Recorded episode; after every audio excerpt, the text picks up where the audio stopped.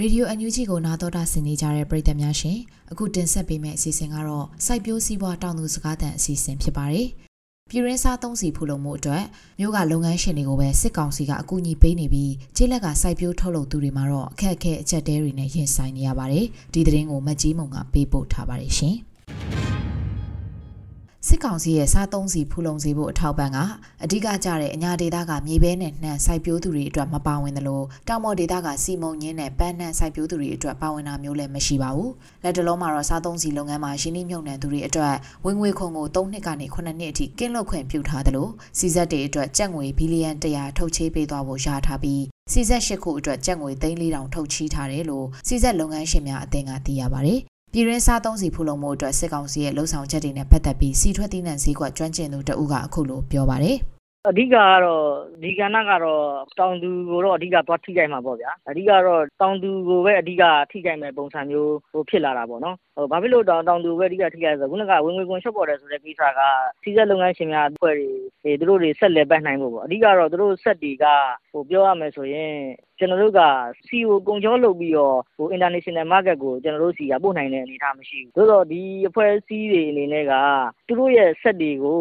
International အဆင့်မီအောင် upgrade လုပ်ရမယ့်ဟာတွေလုပ်နိုင်ဖို့ရာသိပ်မရှိဘူး။မလုပ်နိုင်ကြဘူးပေါ့နော်။သို့သော်အဲလိုမျိုးဖြစ်ရမယ့်အစားသူတို့ကဘာကိုပြန်စဉ်းစားလဲဆိုတော့ဆီထွက်သီးနှံကုန်ကြမ်းကိုထွက်ခွင့်မရဘဲနဲ့သူတို့ဆီစက်တွေလည်ဖို့အရေး၊အလုပ်ဖြစ်ဖို့အရေးဒါကိုဦးတည်တာပေါ့ဗျာ။အဲတော့ဒါသူတို့တွေပြောနေတဲ့ပုံမှန်ပြောနေတဲ့စကားတွေအရတော့ဒီဆီစက်တွေလည်မယ်လည်မယ်ဆိုရင်အလုပ်အကိုင်အခွင့်အလမ်းကိစ္စတွေ ပြောမယ်။နောက်တခုကတော့အဲဒီကနေ by product အနေနဲ့ထွက်လာမယ့်နှမ်းဖက်ပဲဖက်ဒါတွေကတိရစ္ဆာန်စာအတွက်ဘယ်လောက်အကျိုးပြုစေမယ်။အဲဒါဆိုရင်နို့ထွက်ပစ္စည်း၊သားငါးဒီရဲ့မွေးမြူရေးကဏ္ဍကိုဘယ်လိုအကျိုးရှိစေမှာဖြစ်တယ်ဆိုတဲ့ကိစ္စတွေကဒါကဒီအဖွဲ့တွေပြောနေတဲ့ဟာပေါ့။သို့သော်ဒီဥစ္စာတွေကတကယ်တော့သူတို့တွေဆီစက်တွေကလည်ဖို့လိုတာကကုန်ကြမ်းကတောင်သူအနေနဲ့ကျတော့ Export သမားကိုရောင်းရရင်သူကဈေးပိုရတယ်။ ပြည်တွင်းမှာရောင်းရမယ်ဆိုရင်ဈေးကအဲလောက်မရနိုင်ဘူး။အဲတော့ပြောရမယ်ဆိုရင်တော့ပြည်တွင်းမှာရှိနေတဲ့ဆီစက်တွေက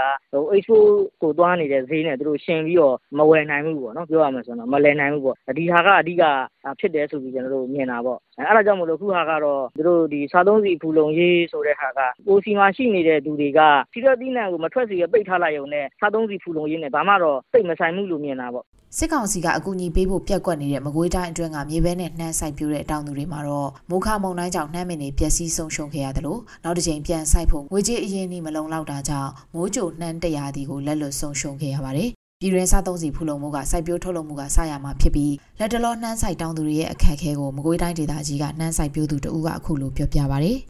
အဲ့ဒါကတော့တကယ်ကိုပဲဆီနဲ့ပြီးနိုင်တဲ့ဆီလုံလောက်ဖို့နိုင်ငံတွင်းဆီလုံလောက်ဖို့ဆိုရင်ကိုဒီဘက်ကတော့နည်းနည်းဆုံးဆုံးတဲ့ဘက်တွေကတော့ပြန်လည်ပြီးတော့လုပ်ကိုင်လို့မရဘူးဒါပေမဲ့ဆက်လက်ပြီးတော့လှုပ်ဆောင်နေတဲ့ data တွေရှိတယ်အဲ့ဒါကမုခပြီးမှစိုက်ရတဲ့ data တွေရှိတယ်သူတို့အခက်အခဲတွေကတော့လောလောလောဆယ်အခက်အခဲကတော့ ဒီပြင်သွင်းအားစုတွေဈေးမြင့်နေတာဆိုရင်ကျွန်တော်တို့ကသွင်းအားစုတွေကိုဘယ်လိုဖြည့်ဆည်းပေးမလဲဆိုတာမျိုးရှိတယ်အဲ့ဒါကြောင့်ကျွန်တော်တို့စိုက်ပျိုးစိတ်ပေါ့မြန်မာနိုင်ငံရဲ့အခြေအနေကစိုက်ပျိုးစိတ်ကတစ်နှစ်ကိုတစ်ခါပဲရှိပေးတဲ့သဘောမျိုးရှိတယ်လဲဆိုရင်လည်းလဲပဲဟိုဘက်ကဆိုရင်ရာဆိုရင်လည်းထိုက်တယ်လဲဆိုတသိန်းဝဲဆိုရင်ရာမကို9000ပဲရှိပေးတဲ့ခစ်ကိုတကယ်ကိုပဲအဲ့9000ကတေကအတွက်9000ရှိပေးမယ်ဆိုရင်တောင်မှကျွန်တော်တို့ကတေကရဲ့သွင်းအားစုဒီတသိန်းအထက်မှာရှိတယ် အဲတကယ်မလုံလောက်ဘူးပေါ့တကယ်လို့အဲ့သွင်းအားစုတွေမဆက်နိုင်ဘူးဆိုလို့ရှိရင်လည်းကျွန်တော်တို့ကဒီဒီမကွေးဘက်ချမ်းမိုးအားကိုပြီးစိုက်ရတဲ့ဒေတာတွေအတွက်ဖန်နှုံးနေရရော့မှာဖန်နှုံးနေရရော့တော့ကြသူတို့ပြောချင်တဲ့ဒီစီလုံလောက်မှုဆိုတာဒီစိုက်ပျိုးစိတ်တွေဒီပြေးဝဆိုတာပံ့ပိုးပေးနိုင်မှသာလေဒီမြန်မာနိုင်ငံရဲ့လိုအပ်တဲ့စီအားကိုမကွေးတိုင်းနဲ့ထုတ်လုပ်ပေးနိုင်မှာဖြစ်တယ်။ဒါမှမဟုတ်ရင်တော့ထုတ်လုပ်ပေးနိုင်မယ့်အတိုင်းမရှိဘူး မြန်မာနိုင်ငံရဲ့စီထွက်တီးနှံထုတ်လုပ်မှုက2020ပြည့်နှစ်ဝန်းကျင်ကတန်ချိန်9တန်းခွဲရှိပြီး2023စိုက်ပျိုးရာသီမှာတော့တန်ချိန်10တန်းကျော်ရှိတယ်လို့